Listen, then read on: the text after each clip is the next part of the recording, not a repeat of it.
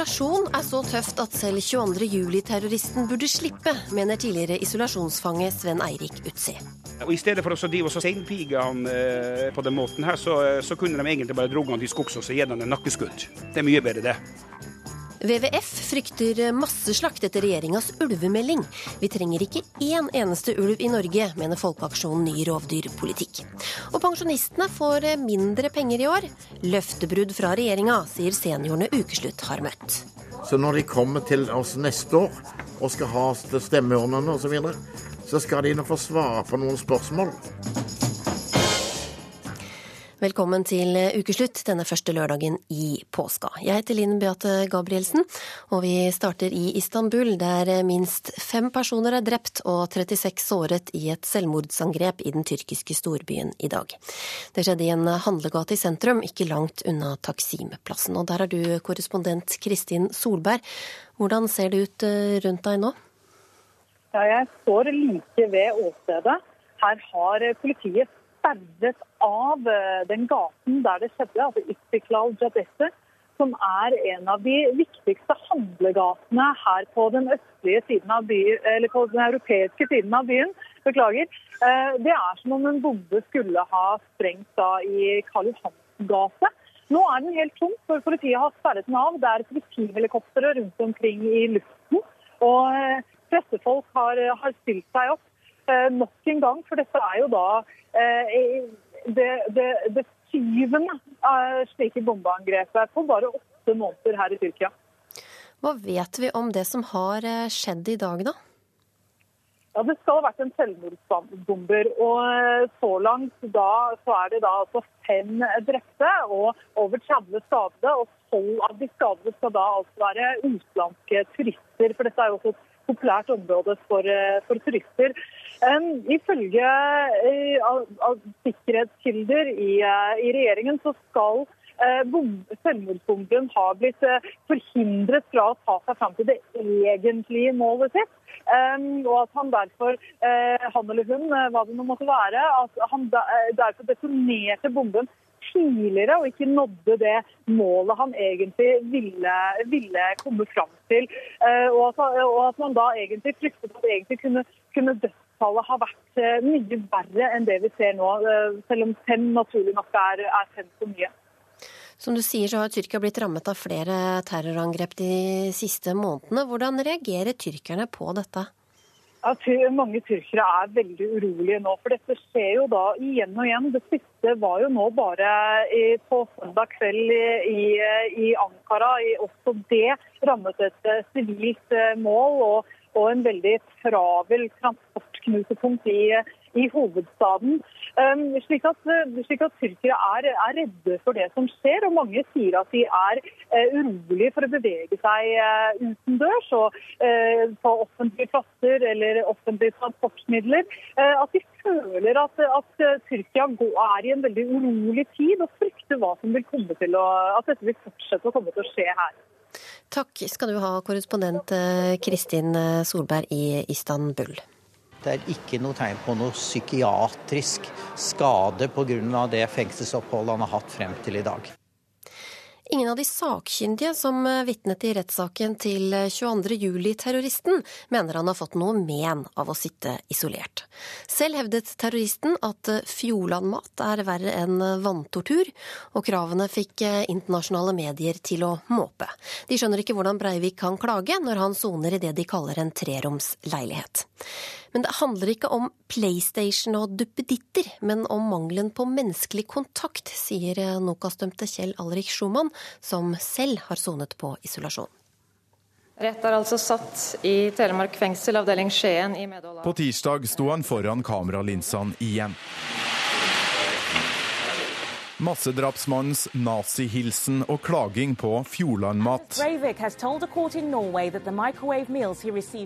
har fått mye oppmerksomhet denne uka, i tillegg til terroristens soningsforhold. En artikkel i New York Times som er blitt delt hundrevis av ganger og heftig debattert på sosiale medier, påpeker at mannen som tok livet av 77 mennesker, tross alt bor i en treroms leilighet med vinduer, ei tredemølle, kjøleskap og DVD-spiller, PlayStation og skrivemaskin.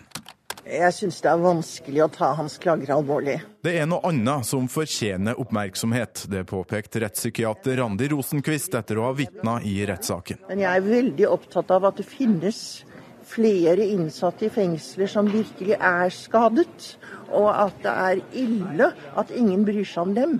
Ja, det er helt enig av det siste hun sa der. Eh, jeg syns faktisk det skulle vært mye mer søkelys Sammen med tidligere isolasjonsfange Sven Eirik Utsi ser jeg Dagsrevyen på en utekafé i Lysaker i Oslo.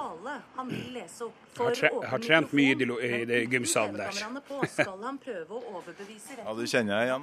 ja, da kjenner jeg meg igjen der. Der har jeg mange timer. 47-åringen driver i dag eget gravemaskinfirma og har lagt bak seg dommer for uaktsomt drap, ran, torpedovirksomhet og vinningsforbrytelser. Jeg har jo eh, da på det lengste under etterforskning så har jeg jo sittet opp mot et års under total isolasjon. Så jeg har jo sittet under mye strengere vilkår enn det han gjør. Eh, både uten TV, aviser og radio, uten å snakke med folk. Eh, det gjør noe med deg. Du mister taleevne, du, du, du, du, mister konsentrasjon. og det, det, skjer mye negative ting med deg. Jeg har jo sett gutter, relativt oppegående gutter og tøffe gutter som har sittet under ekstreme forhold, som faktisk har gått til det skrittet. De har blitt så syke og dårlige at de har ikke sett annen utvei enn å prøve å ta livet av seg. De sitter altså i kjeller i fengsel, og det er ingen som bryr seg om dem.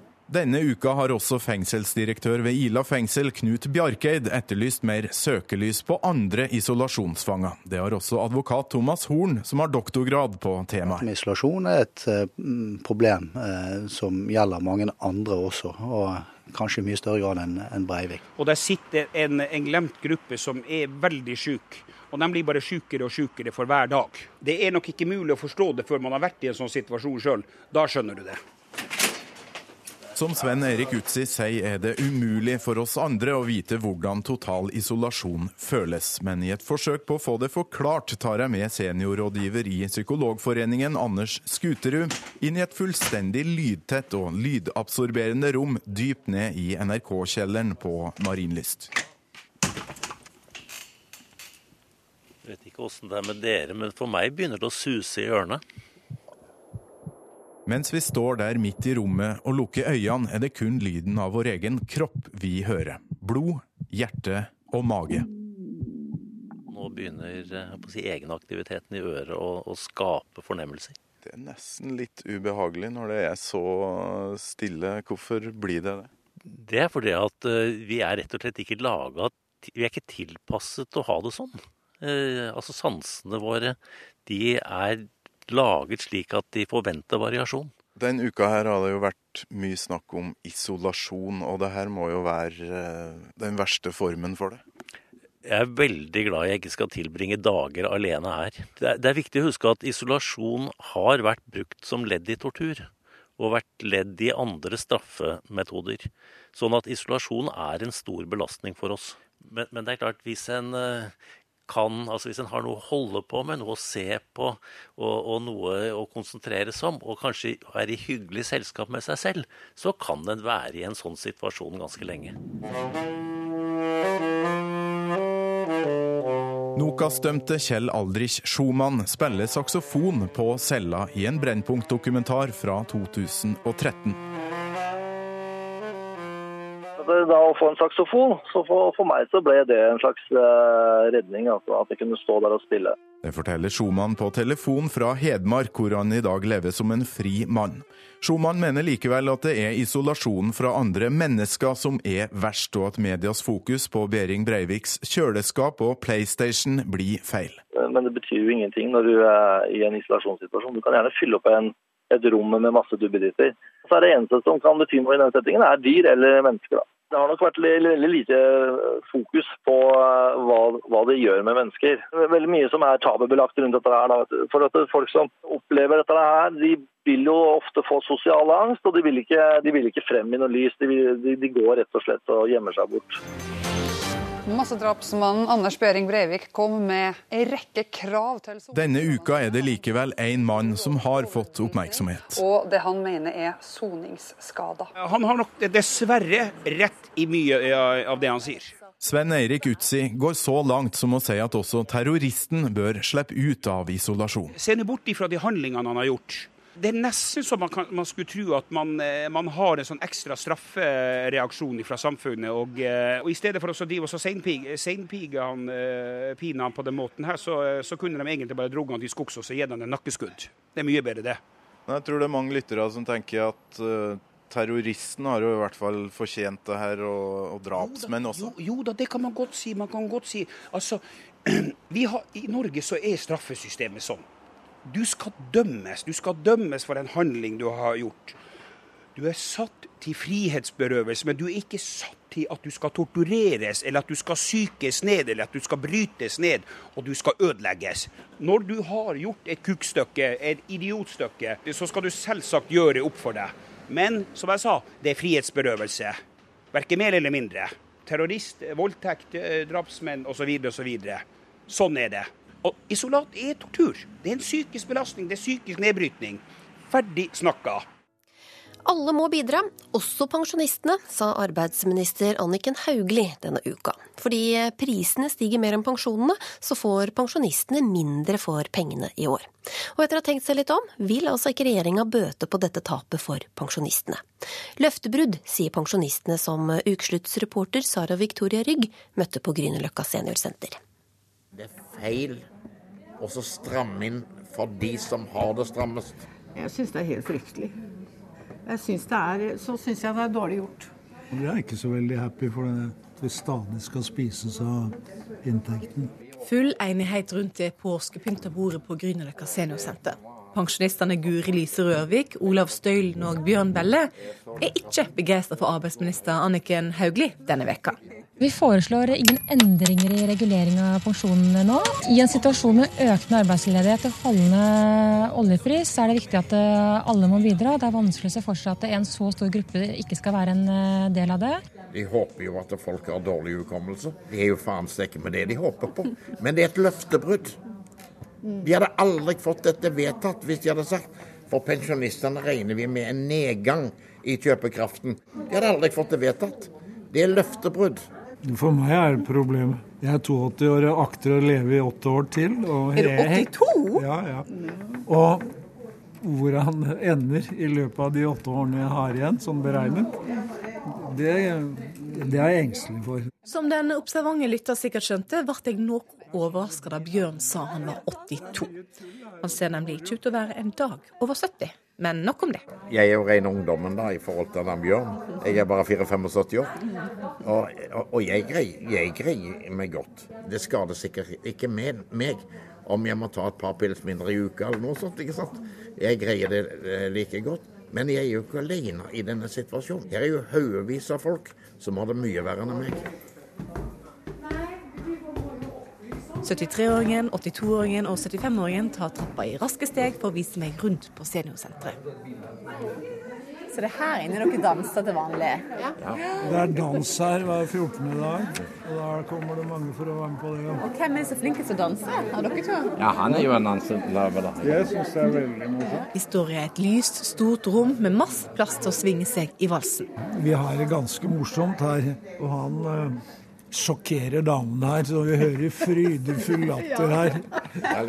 Det er Olav Støylen som visstnok får damene til å le frydefullt. Han har jobba i LO i mange år, og ble av Yngve Haagensen kalla Olav Støyen. Og han veit å tale regjeringa midt imot. Selv om vi er eldre, så har vi faktisk ganske god hukommelse. Så når de kommer til oss neste år og skal ha oss til stemmeurnene osv., så, videre, så skal de nå få svare på noen spørsmål. Hva lovte de i 2011? Hva har de gjort? Hva lover det nå? Jeg skulle gjerne hatt litt mer. Det vil jo alle ha. Husleia går opp, lyset går opp. Og alle utgiftene ellers. Gi meg penger. Det er hva jeg trenger. Små og store mynter tar jeg gjerne mot. Pensjonistforbundet sier at det er snakk om 1400 kroner i året. Det er ikke så mye penger sånn i løpet av et år. Hva får en for 1400 kroner nå for tida? Ja, For noen så er det jo sånn at det, det, det er halve NRK-lisensen, f.eks. Selv om pensjonistene på Grünerløkka seniorsenter misliker beskjeden fra regjeringa denne veka, så lar de ikke det stoppe gleden over at det straks er påskefest. Da er det mye mannfolk som har meldt seg på. For samtlige av oss ikke sant, i den alderen. Det eneste lammekjøttet vi får, det er på tallerken. Din snik. Ah, ja, vet, du hva? Og vet du hva? Hun smaker godt òg. Olav planter et kyss midt på munnen til Guri-Lise, og damene ler frydefullt. Sånn er det å være pensjonist. Men vi må jo ha et økonomisk grunnlag for å holde dette gående. Ja, vi prøver så godt vi kan, iallfall. Ja, Løftebrudd kaller pensjonistene dette, Christian Tonning Riise, leder av Unge Høyre. Hva sier du til det? Nei, Jeg kan ikke sette at det er noe løftebrudd. Nå lovet vel aldri regjeringen at man skulle snu på dette, men nå se på det på nytt. Og det har de gjort nå. Og da har de kommet fram til det jeg mener de burde gjort klart fra første stund, at det ikke er aktuelt nå å rokke ved pensjonsforliket.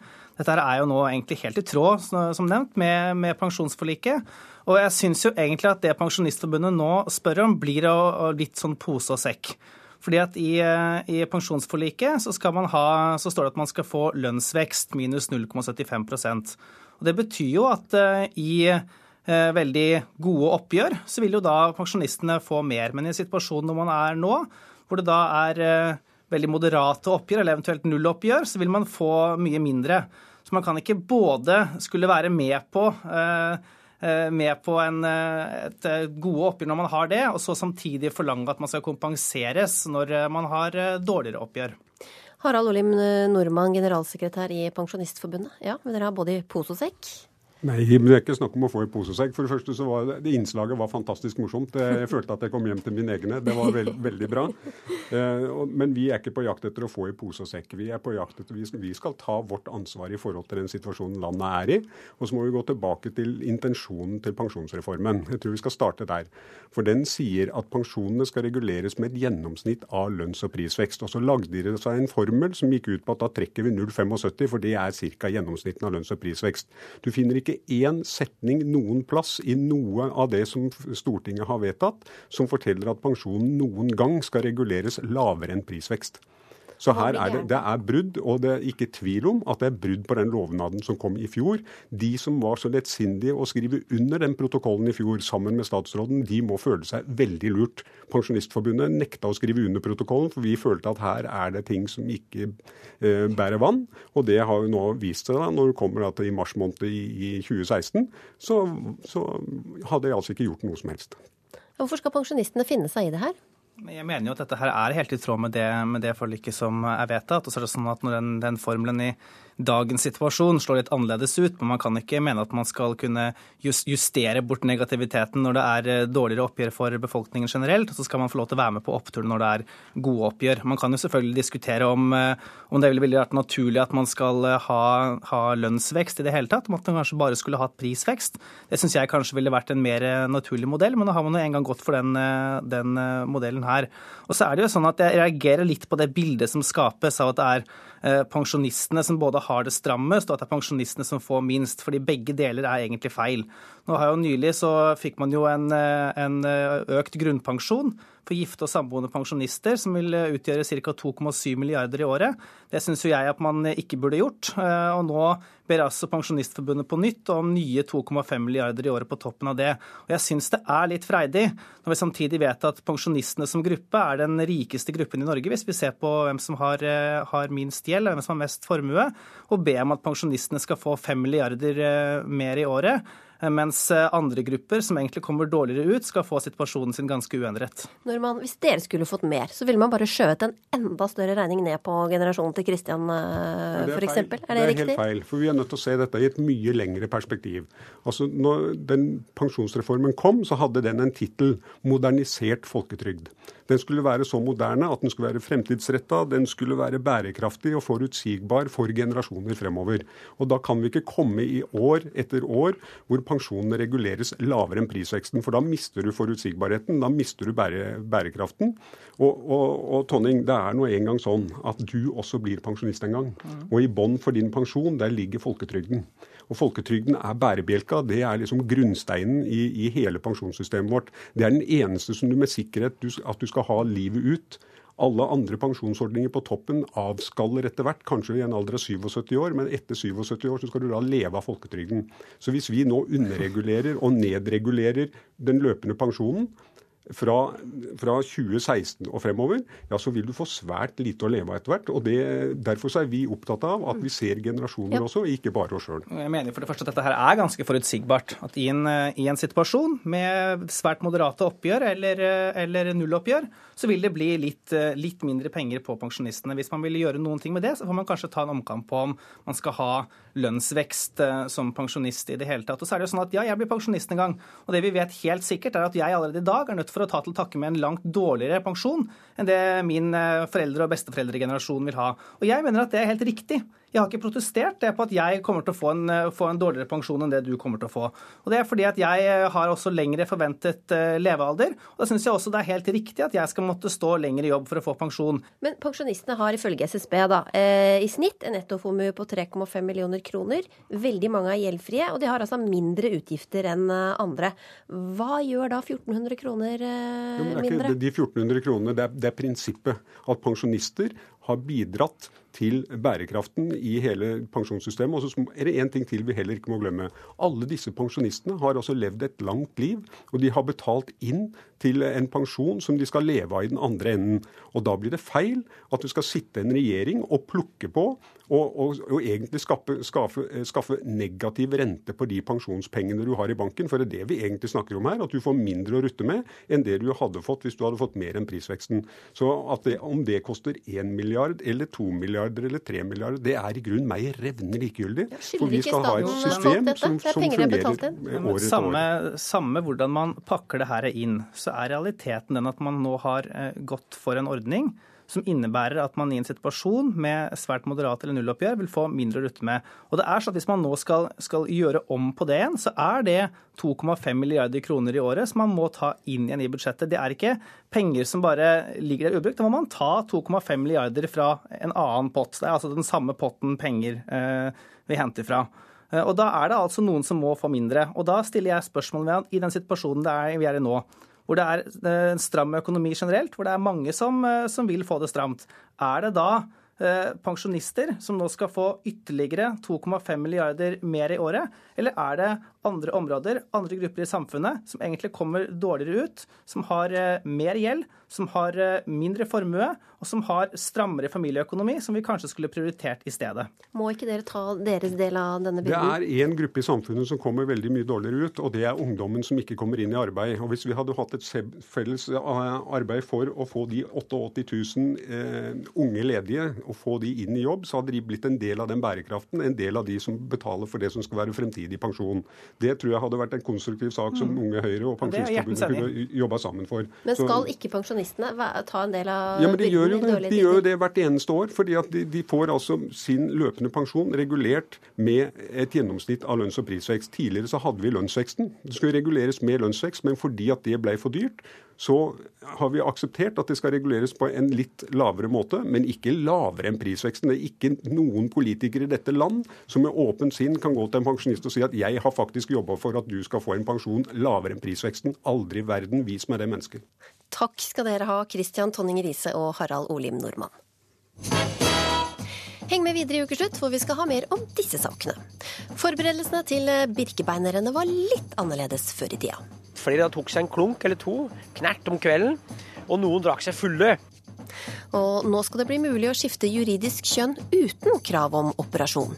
Det er sterkt at regjeringa kommer oss i møte, mener transperson Jon Jeanette.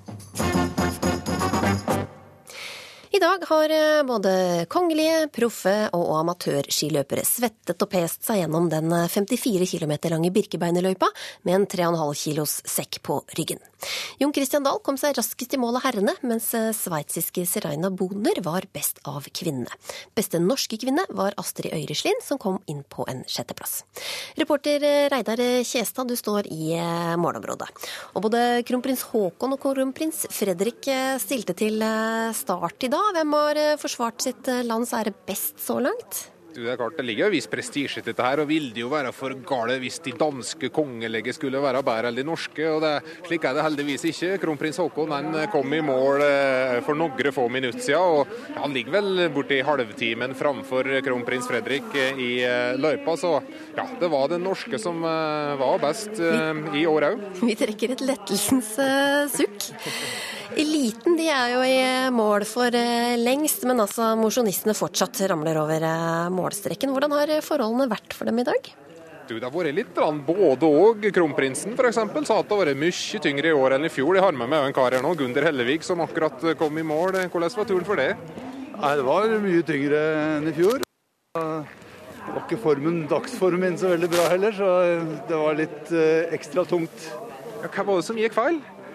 Nei, Jeg har vært litt sjuk i forkant, og da kan man kanskje ikke vente at eh, formen skal være helt på topp. Og da blir det tungt, og så litt tungt føre i tillegg. Så da greier man ikke akkurat å sette personlig rekord, nei. Jeg har aldri hørt en birkebeiner som har kommet i mål som har vært helt frisk, men du, du er sjuk på ordentlig, altså? Nei, jeg har vært sjuk, så Men jeg har iallfall en unnskyldning. Og det er ganske godt når jeg skal møte kompisene nedi på, i hallen her etterpå.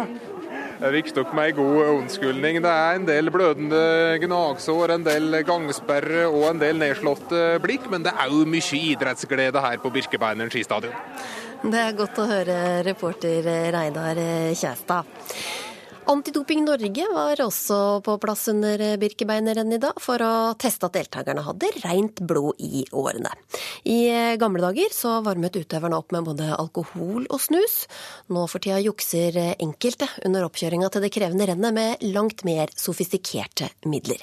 Reporter Brage Berglund har møtt en som selv har prøvd dop, en som trener reint, og en som følger med på synderne i mosjonistmiljøet.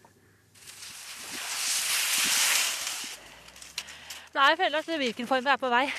Det er viktig sånn rett før, eh, rett før det store arbeidsmålet. Kveldssola kaster en bronsefarget glød over Holmenkollen, hvor Elisabeth Berger er i full gang med å lade opp til årets Birkebeinerrenn. Ved siden av full jobb trener den 48 år gamle trebarnsmoren mellom alt fra 5 til 15 timer i uka. Og tanken på at noen der ute kan ta snarveier, er frustrerende. Hvis det er folk som, eh, som doper seg i, i, i, Birken, så er det klart de ødelegger. Og det virker jo litt fjernt fra iallfall min egen treningsfilosofi. Men hva slags utbytte er det doping gir som kan gjøre det fristende for mosjonister å dope seg? En som kan ha et svar på det, har flere mil på sykkelsetet bak seg. Mats Kaggestad lå noe uventet i tet da bare fem kilometer gjensto av løpet. Men de tøffe bakkene tappet mye krefter. Det jeg følte, var at det ga meg overskudd. Altså, treninga gikk generelt lettere, og jeg restituerte meg eh, raskere. Eh, så på en måte alt det jeg gjorde, fikk en eh, bedre effekt. Da. Tidligere proffsyklist Mats Kaggestad var i 1997 med på et forskningsprosjekt hvor han ble gitt bloddopet EPO. Stoffet bidrar til å øke kroppens oksygenopptak, og effekten var oppsiktsvekkende. Testresultatene mine, så vidt jeg husker, var sånn rundt 10% bedre. Altså Det var som å komme tilbake fra et ekstremt vellykket uh, høydeopphold. Utenom forskningsprosjektet ville Kaggestad aldri selv ha drevet med doping. Han er en aktiv dopingmotstander, og han synes det er synd at noen mosjonister velger å dope seg i forkant av idrettsarrangementer. Vi vet jo at, at det er blitt tatt EPO av tollerne som da skulle til folk som skulle prestere i Birken. Altså Hvis du doper deg for å være med i Birken, så har du misforstått hele poenget med å være med i Birken. Da, da Idet du doper deg, så Altså, idretten skal jo være bygge karakter. Det skal få deg i bedre fysisk form. Det skal være helsebringende. Så allerede der så har du da tapt. Årets Birkebeinerrenn satte deltakerne på en hard prøve. Det var varmegrader i fjellet, snøen ble porøs, og føret skiftet og fordret at løperne måtte Det er ikke nytt at Birken-deltakere har hatt diverse stoffer i blodet, selv om det kanskje ikke har vært like prestasjonsfremmende. Forfatter Tor Gotaas har skrevet bok om Birkebeinerrennets historie, og han kan fortelle at før i tida møtte flere opp på startstreken med litt forskjellig innabords. Vi vet, og det her er helt tilfelle, at flere tok seg en klunk eller to knert om kvelden, og noen drakk seg fulle. Det var nok ikke den beste oppladningen, men vi hører jo flere eksempler på at folk ble fulle. og Det var en gang på Rena. Så var det bryllup på Trudvang. Og Da var det flere birkebeinere som ble med i bryllupet. Det var en som het Jon Gjerpåsen. En Drøbak Frogn, en legendarisk eh, god tømmerhogger, veldig god skiløper, og en sånn energibunt, en veldig sånn artig kar. Han, han, ble ganske full, og han ble så full at han sovna utendørs på en benk på Rena. Brukte sekken som pute. Og kameraten han måtte jo da hjelpe ham med å smøre skia, måtte snurpe på sekken måtte hjelpe bort, hjelpe bort i start. og eh, Han, han Gjerpåsen han starta jo snusen rant på, i munnvikene. Og eh, når han begynte å nærme seg Skramstadsetra, så var han jo da i bedre form. Han ble blant de fem beste i klassa, Jon Gjerpåsen. Jon Gjerpåsen, Drøbak Frogn idrettslag. Det er ingen tvil om at tidene har forandret seg. I dag er stoffer som testosteron, EPO og steroider bare noe av dopet som finnes i norske treningsmiljøer. Anders Solheim er daglig leder i Antidoping Norge, og han er klar på hvorfor det er viktig at dopingjegerne er på plass under Birken. Vi vet fra tidligere erfaring at eh, det er grunn til å følge med også i disse miljøene. Vi har jo sett at det har vært eh, innførsel av dopingmidler og også positive prøver knytta til eh, mosjonsarrangementer tidligere, eh, og derfor så møter vi opp på Birken i år. Tilbake i skisporet i Holmenkollen staker Elisabeth Berger seg bortover flata. En av årets største begivenheter er like rundt hjørnet, og da er det godt å vite at de som doper seg, kan bli tatt. Eh, det synes jeg er kjempeflott. Eh, også fordi Birkebeineren er et eh, For mange unge så er det også et langdistansemål når man liksom begynner å bli litt eldre. Og da syns jeg det er viktig at, at norske turen for mosjonister og supermosjonister må være et sted hvor man kan være sikker på at her er, det, her er det rent, her er det fair play. Doping har aldri vært et alternativ for Berger. Men hun har et triks på lager som skal bidra til å gi henne gode resultater på årets Birkenrenn. Jeg prøver vel å toppe litt med litt sånn carboloading, så det er vel en slags kanskje matdoping da, før, før de lange rennene. Eh, og jeg er vel litt ekstra påpasselig med hva jeg putter i meg de siste, den siste uken iallfall. Og karbotrikset ser ut til å ha fungert bra for Elisabeth Berger. Hun kom på femteplass i sin klasse.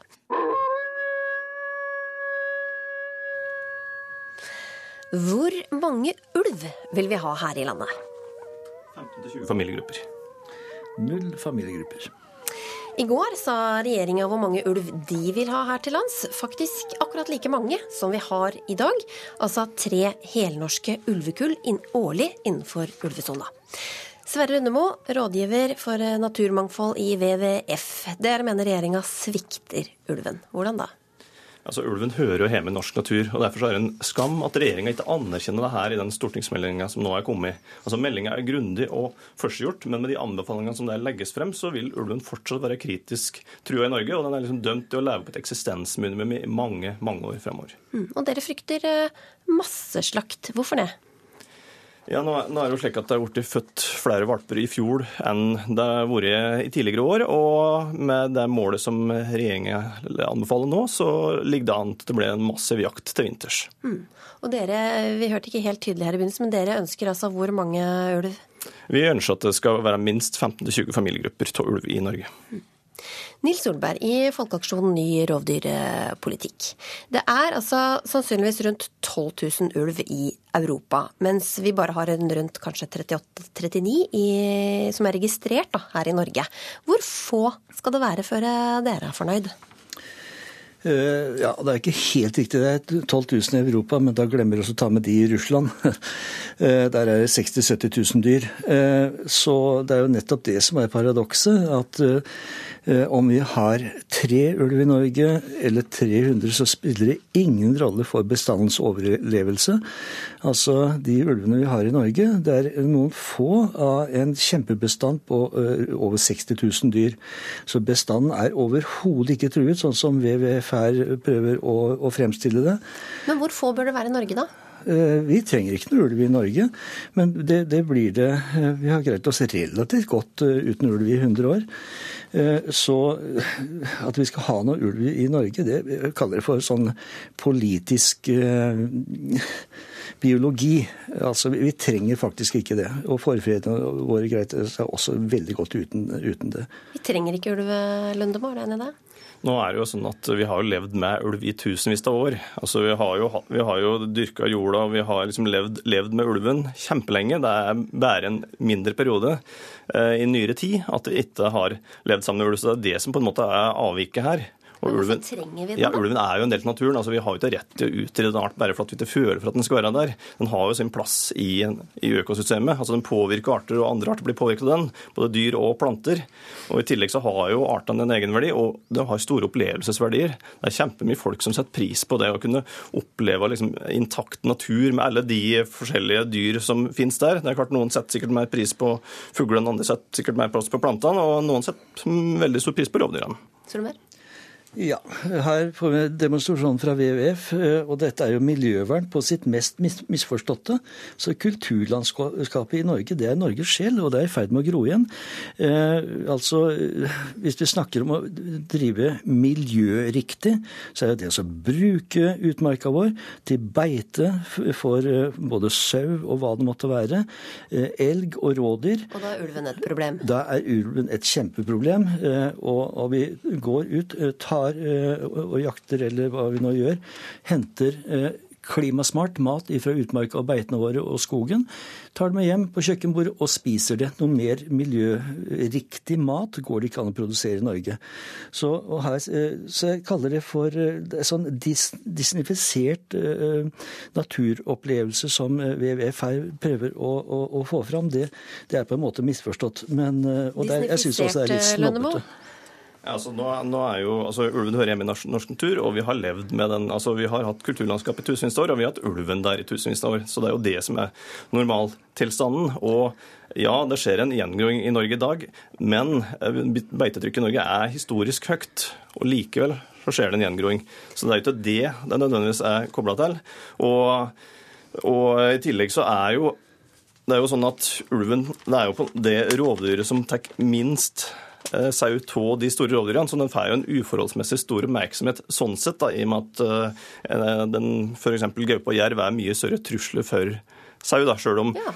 Gaupa og jerven er større trusler. Eh, ja, men altså det, det vi glemmer her, eh, det er altså å bruke den type statistikk eh, som WWF her gjør. Det blir veldig feil. For at det, vi må huske på at det, han refererer nå til hele, hele landet.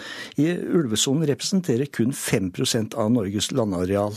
Det er der ulven faktisk er. Og så bruker han tapstallet eh, hele landet, så det blir veldig feil der her. Men bør vi kvitte oss med gaupe også, da? Siden den tar nei, eh, nei? på ingen måte. Vi skal ha gaupe her i landet, vi skal ha jerv, eh, brunbjørn osv. Det forbauser meg egentlig at ikke WWF er mer opptatt av jerven og bjørn, som vi vel egentlig har et veldig eh, nært og ålreit forhold til. Spesielt Men hvorfor er jerven. ulven et problem, hvis ikke gaupe er det? Eh, tar, uh, Ulven er, eh, tar mye større tilhugg eh, inn i eh, i klovviltstammene våre og i beitebruket, pluss at det også tar en del av, av hundene våre. Jeg har selv vært med på å miste to, to hunder til, til ulv. Og dessuten må jeg huske på én ting. Altså, Vi snakker her da om eh, at ulven er trua. Ulven er den vanligste pattedyrarten på den nordlige halvkule etter røre, villsvin og brunrotte. Det er faktum. Men hvorfor trenger vi ulv akkurat i Norge når det finnes så masse av den i resten av Europa? Altså nå er jo, må jeg jo si at Jeg er jo mest forundra av at du faktisk skulle utrydde en art bare for at du liker den. Det er jo en innstilling som jeg aldri vil forstå. For at den, den kampen tok jo på en måte slutt i 1973, da ulven ble verna. Og i den ettertida da så har vi jo på en måte har jo regjering og myndigheter vært klare på at ulven er noe vi skal ha her i landet. Og vi kan jo ikke da begynne å få for oss at vi skal liksom fjerne den bare for at vi ikke liker den, og for at den ikke nødvendigvis tilpasser oss, tilpasser seg til oss på alle de måter vi vil. Men den blir jo ikke utrydda hvis den fortsatt finnes i resten av Europa. Nei, men vi har fortsatt, et, eh, vi har fortsatt eh, en plikt til å ta vare på de artene som finnes naturlig i norsk natur. Det sier jo både norsk lov og det er jo en, en plikt vi har. Vi skal ikke utrydde bare arter bare fordi vi ikke setter pris på dem, for da, da kan du bære ganske galt av sted på mange måter. Men i eventyrene så er ulven veldig farlig for eh, menneskene. Er den det? Ulven er ikke spesielt farlig for mennesker, for den er veldig sky. Den har utrolig gode sanser, og den merker når folk er i nærheten, og den oppfatter folk som noe som er skummelt, og noe som er verdt å holde seg unna. Er du enig i det, Solberg? Nei da, det er også feil. Dessverre. eh, Og det, altså dette, det er direkte historieløst, også respektløst, syns jeg, i forhold til de, de menneskene som er, tatt av ulv opp gjennom historien. Eh, Og det skjer årlig. Eh, Men det er klart det har ikke skjedd i, i, i Norge på, på et par hundre år. Men det ble ihjelkjørt veldig få i trafikken av biler på 1700-tallet også. Eh, Så eh, det har jo sammenheng med at ulven har vært, vært fraværende. Men senest i, i fjor så ble det jo drept et menneske i, i dyreparken i, i, et sydisk, i, eh, i Sverige. I Russland ble det årlig drept folk. I Kina. eh, Det vet Det kan kanskje bli farligere hvis vi får flere av dem her. Lønnemo? Det tviler jeg egentlig på. Altså, Jeg er mer bekymra for elg hvis, når det går i skogen, for den, er, den kan jo være aggressiv. Men når vi ser på ulv, altså f.eks. på de siste 200 årene så er det mest sannsynlig bare påvist ett eneste angrep i Norge med fatalt utfall. Og det var før du begynte å jakte ut ulven. Og på den tida så var det, og de neste 40-50 årene så var det fremdeles stor ulvebestand. I Nord-Amerika har du kjempemye ulv. Det er så å si ingen som helst indikasjoner på at ulven der er noe spesielt farlig. Jeg er nødt til å knipe dere der. Ja. Takk for at dere kom til eh, Ukeslutt, Nils Solberg og Sverre Lundemo. Regjeringa vil at det skal bli mulig å skifte juridisk kjønn bare ved å fylle ut et eh, skjema til Folkeregisteret. Slik eh, loven er i dag, må man ha en eh, diagnose og steriliseres for å få endret kjønn i pass og offentlige papirer. Hva betyr dette for deg, Jon Jeanette Solstad Reme? Det betyr at jeg kan bestemme sjøl om jeg vil endre kjønnet mitt fra mann til kvinne. Det skal gjøres veldig enkelt ved å gå inn på, på nettet, internett, og klikke på et skjema, skrive inn noen data, og så får jeg svar tilbake, som jeg da må forholde meg til, selvfølgelig. Og det er sikkert en del opplysninger om hva det innebærer å skifte kjønn. Og eh, på denne måten altså juridisk kjønn. Og da sender jeg det tilbake, og så skal alt være i orden. Og du har jo egentlig ønsket dette lenge, men eh, har eh, ventet. Så hva betyr det for deg nå, denne endringen som eh, Ja, det er jo en helt spesiell dag, en stor dag, dette her. At regjeringen da kommer oss i møte med et veldig godt forslag, faktisk. Det er alltid noe jeg kunne pirka på noen småting som kunne vært litt bedre, men det er veldig sterkt. Og nå er Norge virkelig i førersetet når det gjelder akkurat den juridisk kjønnsskifteproblematikken. Vi har hengt langt etter i mange år, men nå er vi i førersetet. Når denne blir da, Den skal jo godkjennes i Stortinget og stemmes over her, men jeg kan aldri tenke meg at det, dette ikke skal gå gjennom. Det må bare gå gjennom. Mm. Hvordan har det skapt problemet problemer for deg at uh, du ser ut som en kvinne, men så står det mann i alle papirene dine? Ja, Problemet er jo kanskje relativt innlysende. Altså, Skal du på posten og hente en pakke, så må du vise ID. Skal du låne en bok på biblioteket, ID. Skal du ta et resepter på et apotek, vis ID. Osv. Skal du ut og reise, politikontroller, sjekke inn på et hotell. i det hele tatt. Så det følger problem overalt. Og jeg har til og med blitt eh, beskyldt for å vise falsk ID. Og det er veldig kjedelig, rett og slett. Men du heter Jon Jeanette. Ja. Hva innebærer det? Nei, Det innebærer at jeg har jo vist med navnet mitt at jeg er en transperson. Og eh, nå har jeg stått i, i, i kampen og satt et ansikt på Amnesty International sin kampanje mot Norge for brudd på menneskerettighetene i denne, denne saken her. Og da har det vært veldig greit å bruke begge navnene mine, sånn at jeg viser eh, hva, hva og, og hvem jeg er. Men hvorfor har det vært eh, viktig for deg dette at, eh, at eh, det ikke krever noe? Eh, at du gjør noen medisinske endringer eller noe sånn, all den tid du føler deg som kvinne? Ja, Men nå er det sånn at jeg har en kropp som er frisk, velfungerende på alle måter. Jeg har også et eh, seksualliv. Og jeg har sett eh, enkelte dårlige resultat av å begynne å gå på hormon.